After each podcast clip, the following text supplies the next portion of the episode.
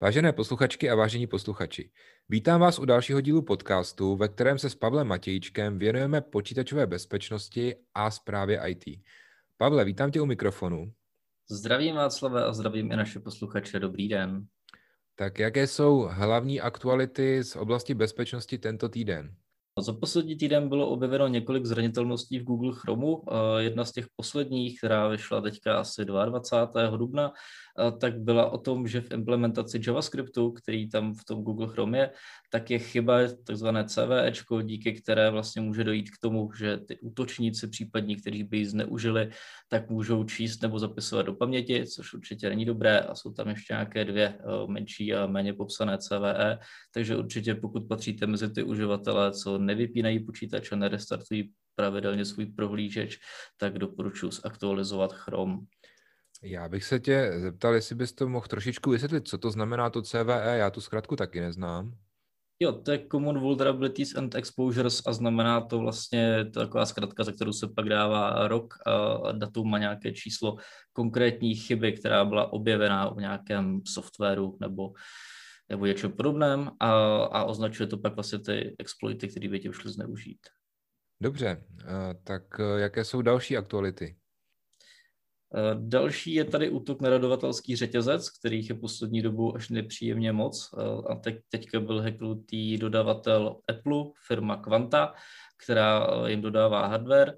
A bohužel došlo k tomu, že tato firma byla hacknutá skupinou Revil, která nyní požaduje přímo po Apple výkupné 50 milionů dolarů, jinak jim hrozí zveřejněním informací, jako jsou výrobní plány, zařízení, nákresy a další věci. A poslední aktualita, eh, ta je bohužel taková méně příjemná, týká se České republiky. Eh, po vyhoštění ruských diplomatů vydal Národní úřad pro kybernetickou bezpečnost varování, které varuje před možným nárůstem kybernetických útoků. Tady v tom případě se očekává, že by mohli přijít ze zemí Ruska. Takže eh, je potřeba dávat si pozor, updateovat operační systémy, antiviry a další software. Říkal jsi poslední, takže to znamená, že tento týden není žádná aktualita ke Clubhouse? Já jsem žádnou nezaznamenal. Naposled byla aktualita minulé, kdy došlo k nějakému líku, od té doby jsem o Clubhouse neslyšel, takže bohužel. Nedá se nic dělat. Tak dnešní díl zkrátka bude bez Clubhouse. Hlavním tématem dnešního dílu je důvěra cloudových poskytovatelů nebo cloudových úložišť, ale ještě než se na to podíváme, tak eh, bych rád se věnoval taky takové jedné cloudové službě, protože my často eh, taky doporučujeme eh, ukládat hesla do různých správců hesel. No a je pravda, že ti správci hesel často používají různá cloudová úložiště, takže tam my třeba doporučujeme ten Bitwarden a nebo nějaký jiný správce, ale aby se to synchronizovalo, tak se tam vždycky využívá nějaký cloud. Ať už přímo nebo nepřímo. Může to být třeba nějaká databáze která je uložena na Dropboxu, ale zkrátka vždycky to nějak u toho cloudu končí. Takže ještě než se podíváme na to, mm, jak vlastně eh, se dívat na ukládání dat do cloudu, tak mě by zajímalo, jestli máš nějaký tip na to, jak si zálohovat hesla třeba z toho Bitwardenu nebo z nějakých takových správců hesel, protože je sice fajn, že je to všechno jako v cloudu, kterému třeba můžeme i důvěřovat, ale já třeba často řeším to, že bych si rád sám před sebou třeba zálohoval uh, tu databázi toho Bitwardenu, abych třeba omylem něco nesmazal. Tak uh, bych tě nejdřív poprosil, máš nějaké doporučení, na co bychom si měli dát pozor, anebo nějaké typy pro zálohování hesel z těchto těch správců? Určitě. Uh, jsou určitý data, který cloudu třeba ani jako já nebo určitě další lidi jako nesvěřují jen tak. Jo. Vždycky jde o tu důvěryhodnost toho cloudu, o tom se budeme bavit později, ale jsou věci, které tam nenahrávám, řekněme jako v plain textu. Takže určitě podle mě není jako úplně nejlepší nápad vzít nějakou svoji zálohu hesel, protože z toho Bitwardenu si můžeme vyexportovat Uh, buď proto, aby jsme třeba naimportovali do nějakého jiného správce hesel, pokud bychom chtěli migrovat, anebo jako jenom tak nikdy nevíte i vlastně tomu poskytovateli, když se něco stane, někdo třeba zašifruje a nemá to zálohování vyřešené nějakým dobrým způsobem, což většinou jako často člověk jako neví, jak to mají ty výrobci udělaný, uh, tak, uh, tak je dobrý mít nějakou jako zálohu. No, v každém případě zrovna nějakou databázi hesel, kterou bych si vyexportoval, tak bych určitě zašifroval, paranoidnější z nás můžou použít takové funkce, které umí třeba Veracrypt, že si vlastně vytvoříte soubor, který bude vypadat třeba jako MP3 nebo nějaký jiný typ souboru, nebo nějaký obrázek a skovat uh, ten zašifrovaný archiv vlastně ještě do něj. Takže nedej bože, kdyby to někdo jako našel, tak si bude myslet, že jde o nějakou písničku, která je poškozená, jde přehrát a přitom to bude databáze hesel, který ale musíte mít nějaký unikátní heslo, který si buď pamatujete, anebo ho máte uložený v nějaký jiný službě nebo lokalitě nebo nějakým jiným způsobem. Takže pokud je o nějaký citlivý info, tak bych možná volil tuhle cestu. Já teda jenom připomenu, že Veracrypt je open sourceový program, že vám umožní udělat nějaký jako zašifrovaný kontejner a že je to program multiplatformní. Takže děkuji za ten, za ten tip. Tím se tak trochu dostáváme k tomu našemu jako hlavnímu tématu, protože eh, nejenom školy, ale i třeba teďka velký podniky přicházejí na to, že je výhodnější nebo třeba levnější ukládat eh, více dat do cloudu a mít k ním třeba přístup odkudkoliv, což eh, může být jako velice pohodlné, ale zároveň mě to evokuje takovou otázku, jak moc můžeme těm poskytovatelům důvěřovat a na co bychom se třeba měli zaměřit, když se rozhodujeme pro nějaké cloudové úložiště. A taky další otázka, jestli třeba bychom to měli rozložit mezi více poskytovatelů, aby jsme třeba ty data neměli v jednom cloudu. Takže jaké jsou tvoje doporučení? Určitě no, ta důvěra, eh, ta důvěra to je asi jako stěžejní kámen. Jo. Určitě, když budete vybírat nějakého poskytovatele, tak co pro vás bude nejdůležitější, tak většinou pro nás jako běžní lidi, menší firmy, školy a podobně není důležitá nějaká jako redundance, prostě 99,9 nebo 99,7, to je jako běžnému člověku asi jedno. Jo. Co je důležitý, tak je to, jestli tomu věříte, jestli je to jako velká firma, těm velkým firmám se většinou věří, těm menším, co jsou nějaký třeba nadšenecký projekty, tak to je jako fajn, ale zase tomu jako kritický data úplně nesvěříte. Takže většinou jste skončíte u těch větších poskytovatelů, to znamená Microsoft, Google, Amazon, jo, taková ta jako velká trojka. Když tam chcete buď migrovat celé své prostředí nebo jenom zálohovat, tak asi jde jako po to, co s tím přesně chcete dělat. Pokud se budeme bavit jako o tom, že tam budeme ukládat spíš data, takže bychom tam migrovali prostě naše celé prostředí, tak je to docela fajn, nebo i když tam provozujete nějaké služby, tak je to super, protože vy se vlastně nemusíte starat o tu infrastrukturu, to vlastně oceňují hlavně školy, které ve velkém na to teďka migrují, protože nepotřebují vlastně žádný železo a pokud mají rozumnou konektivitu do internetu, tak je to jakoby dobrá cesta. Eh, často jim to vyřeší i zálohování, protože se nemusí starat o to, aby zálohovali někam na nějaký další fyzický hardware, prostě do nějaké další lokality, jak se doporučuje, protože to většinou řeší ten výrobce, respektive teda poskytovatel té služby. Co ale často nebývá, tak spousta lidí si myslí, že vlastně když přijdou do cloudu, tak tím to jako pro ně končí a nemusí řešit nějakou bezpečnost a další věci. To je bohužel častý omyl, protože u toho cloudu tu bezpečnost akorát sdílíte s někým dalším. Takže pokud migrujete do cloudu, tak třeba jo, máte tam od nich nějaký firewally přednastavený a tak dál, ale v momentě, kdy se tam jako otvíráte x dalších portů, eh, který se budete muset otevřít kvůli nějakým službám a tak dál, tak je potřeba si to prostě hlídat a to už za vás ten poskytovatel většinou úplně jako nevyřeší, tam si to musíte řešit sami, jako byste to řešili v tom on-permu. Takže tady ta bezpečnost se stává pak takovou jako spíš sdílenou, bych řekl. No a poslední možná věc, kterou bych tadyhle k té části dodal, tak je vlastně to, že se ve velkém pak přesouvá ta bezpečnost eh, ne jako na ten perimetr, ale přesouvá se na tu uživatelskou identitu. Takže pokud uživatelé budou mít špatný hesla, nebudou používat dvou faktory, budou se přihlašovat na nějakých rizikových zařízeních, prostě nedodržovat takové ty klasické věci, o kterých tady mluvíme eh, snad v každém díle, tak nějak buď střídavě, anebo i dokola, eh, tak vlastně v momentě, kdy uteče ta uživatelská identita, tak se ten útočník dokáže dostat eh, k jakoby často k mnohem více datům, nebo ke všem datům toho jednoho uživatele a je to velký průšvih.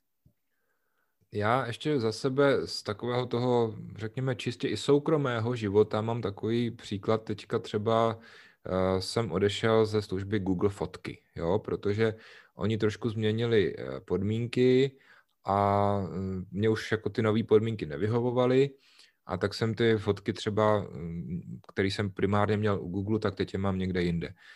To je něco, co se nás může týkat nejenom ale v osobním životě, ale třeba i v klasické škole nebo, nebo v práci.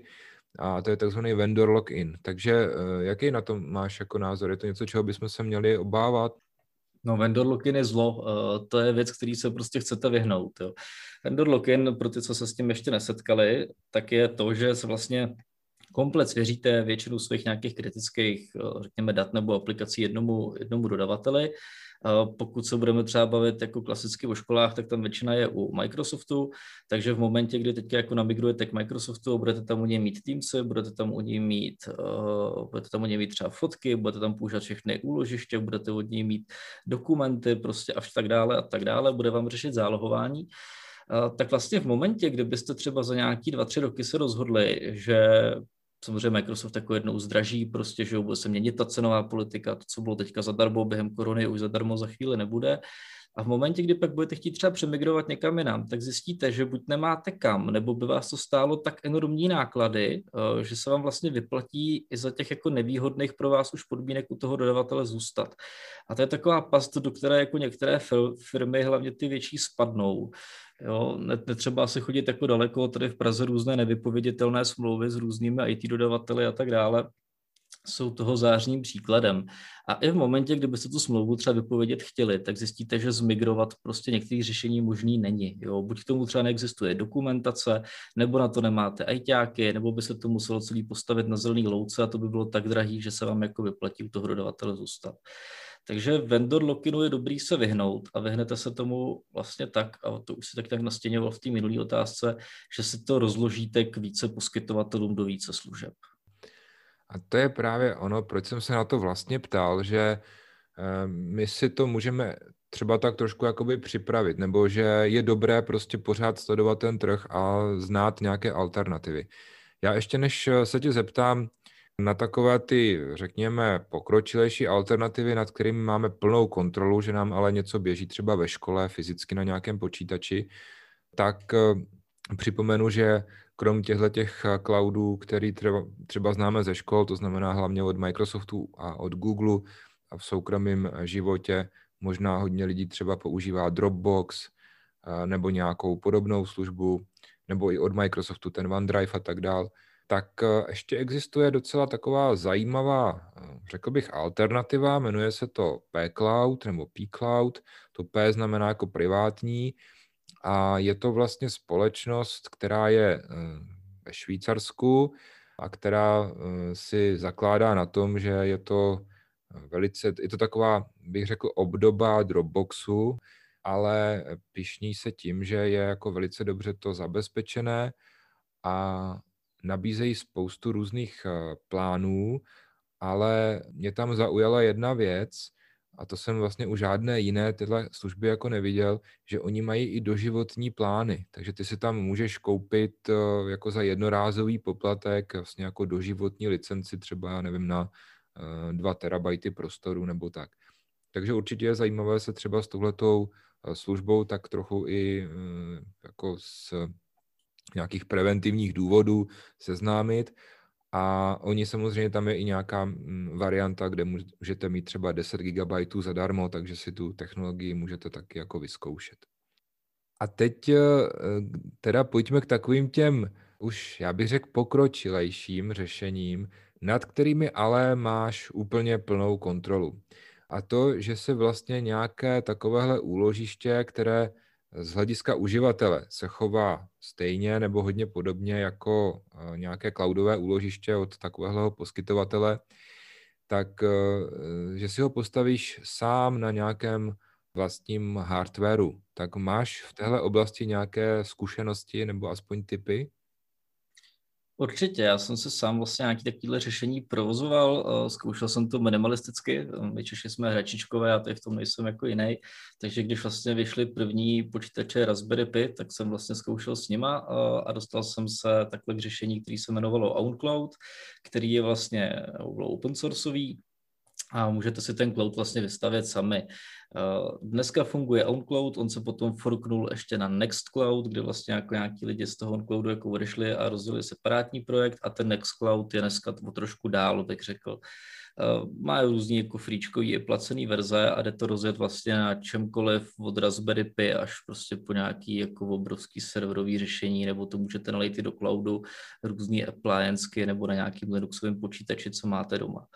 No a v principu to funguje tak, že si ten cloud jakoby děláte sami, současně ale teda jako se musíte trošku aspoň starat o ten hardware, který tam máte, takže je dobrý prostě mít tam ty disky v nějakém raidu, kdyby nějaký třeba odešel.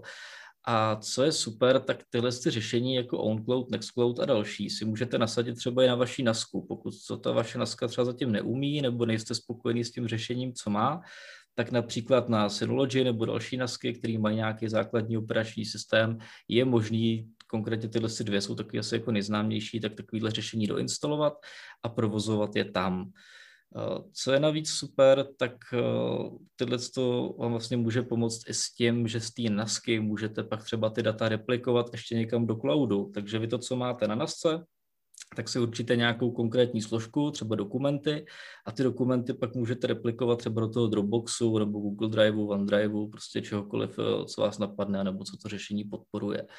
Takže je určitě cestou, pokud jste uživatel, který se s tím chtějí hrát, mít to pod kontrolou a nesvěřit to jenom jako někam do oblak, eh, tak je možnost si to řešení provozovat sami u sebe a pro jistotu eh, si ho vlastně zálohovat do nějakého takového cloudu.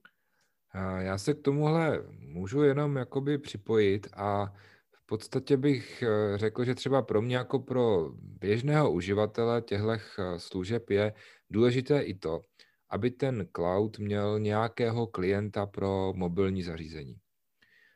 Protože málo platné, tak z toho mobilu často přistupujeme k těm dokumentům, potřebuješ si třeba, já nevím, prohlídnout nějakou smlouvu, nějaký pracovní výkaz vyplnit a tak dál. A ten mobilní klient je tam taky důležitou součástí. Jak je na tom Nextcloud nebo OwnCloud s tímhletím přístupem z mobilních telefonů? Jo, samozřejmě to, samozřejmě to má mobilní aplikace, jo, takže OnCloud, Nextcloud má pro Android i pro iOS uh, apku, má to i třeba, nevím, terminálový klienty pro Linux, uh, má to nějaký apíčko, ke kterému se jako můžete připojit a pokud máte jako nějaký vlastní apky, tak se na to dají nakonektit. Samozřejmě všechno běží šifrovaně, takže to používá nějaký šifrovací protokoly pro ten přenos. A je to jako docela do, dobrá věc. Já jsem to používal docela dlouho, přiznám se, že potom ale u mě, jako i u dalších lidí, nakonec zvítězila pohodlnost a zmigroval jsem jakoby do úplného cloudového řešení, protože jednak elektrika, která běžela, uh, druhá k nějaký data, za třetí jsem tam se objevily nějaký problémy s tím operačním systémem. Uh, je teda pravda, že jsem to provozoval na tom Raspberry v nějakých jako prvních verzích toho OnCloudu, ale jsem tam se někdy jako rozbil ten operák jako takový, ztratil jsem konektivitu nebo se to restartovalo a už to nenaběhlo, jak mělo. Ty data byly samozřejmě v pořádku, ale šlo spíš jako operační systémy toho Raspberryho, který to neúplně asi stíhal. Jo. Takže ale pak se pak se jako člověk dostane k tomu, že jako jsem tam musí něco řešit a protože už jsme lidi jako líní a pohodlný, tak jsem dospěl k tomu, že jsem si to nechal jako hostovat. Uh, takže ano, už, už nejsem z těch hračičků, ale volím tu pohodlnější uh, cestu, kde je nějaký, jako řekněme, drobný poplatek, to za mě řeší někdo jiný. No, já bych k tomuhle ještě dodal takovou jednu záležitost, eh, hlavně důležitou třeba, pokud se k tomuhle řešení rozhodneme ve škole, že je to, jak říkáš, operační systém nebo vůbec aplikace jako každá jiná, ale tím, že jsou tam takhle cený data, tak je ještě potřeba dvakrát eh, tolik věnovat pozornosti různým aktualizacím, aby to bylo jakoby neustále aktuální. Takže zase je potřeba počítat i s nějakým časem třeba toho správce, který se k tomu zařízení musí věnovat a musí ho třeba i monitorovat. A myslím si, že když už teda tohle bychom třeba chtěli pořídit do školy, tak je potřeba ještě počítat i e, s dobrou konektivitou, s čímž teda asi problém nebude, ale také, že by to mělo běžet třeba na nějaké UPSC a tak dál, takže opravdu jakoby ty náklady s tím spojené kolikrát jsou jako větší, než když si to někde pronajmeme, takže z hlediska těch nákladů to nebývá úplně jakoby výhodné řešení. Ale má to zase jiné výhody.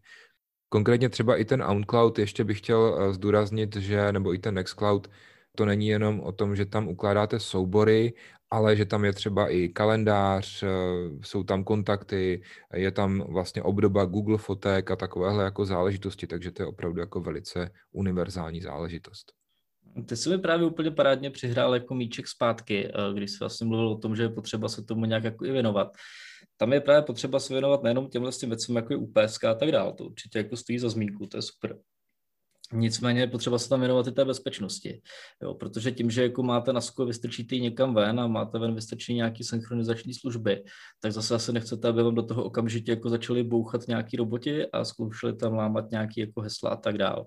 Takže přesně jak se říkal, je to operační systém, je potřeba to updateovat, starat se o ty updaty, zároveň je potřeba třeba u toho Nextcloudu, tak tam je normálně podpora dvoufaktorové autentizace, jo, takže pokud máte vystrčený ven nějaký webový rozhraní, aby vám ty uživatelé uživatelé mohli asi přes webový rozhraní chodit a tam se jako dívat na ty své soubory, tak tam normálně zapněte dvoufaktor. Jo. Klasicky to podporuje autentizační apky, jako je Google Authenticator, Microsoft Authenticator a QR kódem se to ty uživatelé velmi pohodlně propojí.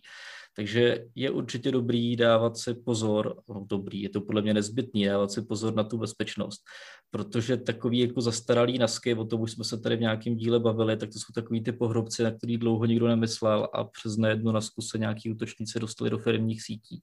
Takže na tohle to určitě je taky potřeba dávat si pozor. Podle mě je dobré eh, ve škole tyhle věci kombinovat. Možná bychom se tomu mohli věnovat eh, více v dalším dílu. Teď jenom třeba naznačím, že jak jsem mluvil o těch eh, Synology nebo o takových těch jako naskách už vlastně hotových, kde si kupuješ vlastně i licenci toho operačního systému, tak tam často je docela dobrá strategie tu nasku využít ne jako místo cloudu, ale jako zálohovací zařízení. To znamená, je to třeba uvnitř ve škole, není to přístupné z internetu, ale můžeš si třeba říct, že ti to má zálohovat určité třeba složky na Google disku nebo na Microsoft eh, OneDrive a tak dál. Takže tohle bych ještě za sebe taky jako eh, doporučil, koupit do školy nějaký takovýhle zařízení, který může interně třeba provádět zálohu těchto eh, cloudových účtů. Nebo na to máš jiný názor?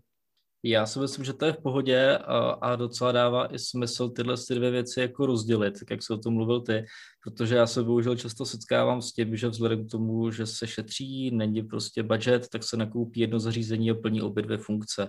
Takže jednak se na nějakou jeho část zálohuje a druhá jako nějaká jeho část na ní běží takovýhle služby, je to vystrčený ven a nedej bože to hostuje i další věci, jako nějaký jako jednoduchý mail server a tak dál. Oni ty nasky toho umí už dneska hodně a tak jako některé jako menší eh, školy nebo menší firmy jako na nich jako rozjeli nějaké řešení, ale pak je potřeba dávat se bacha na tu bezpečnost, no, protože v momentě, čím víc tam běží služeb, tím větší riziko, že někde bude nějaká chybka, přes kterou se tam může někdo dostat. Takže určitě bych to rekombinoval a jak se zmiňoval, ty mít to rozdělený, jedno na skutře na zálohování, druhou na poskytování těch cloudových služeb. Pavle, já ti moc děkuji za Velice užitečné rady, který myslím si, že eh, ocení každý, kdo třeba uvažuje o tom, eh, na jaký cloud třeba přejít eh, ve firmě nebo ve škole, ale myslím si, že jsou to univerzální rady a poučky, které se hodí vlastně každému uživateli, který data do cloudu svěřuje a to je v podstatě každý, kdo má dneska nějaký chytrý mobilní telefon. Loučím se s tebou a loučím se i s našimi posluchači. Děkuji Václave, děkuji i vám, milí posluchači, mějte se hezky a nashledanou. Tento podcast vám přinesl projekt SIPO. Na jehož financování se podílí Ministerstvo školství, mládeže a tělovýchovy a Evropská unie.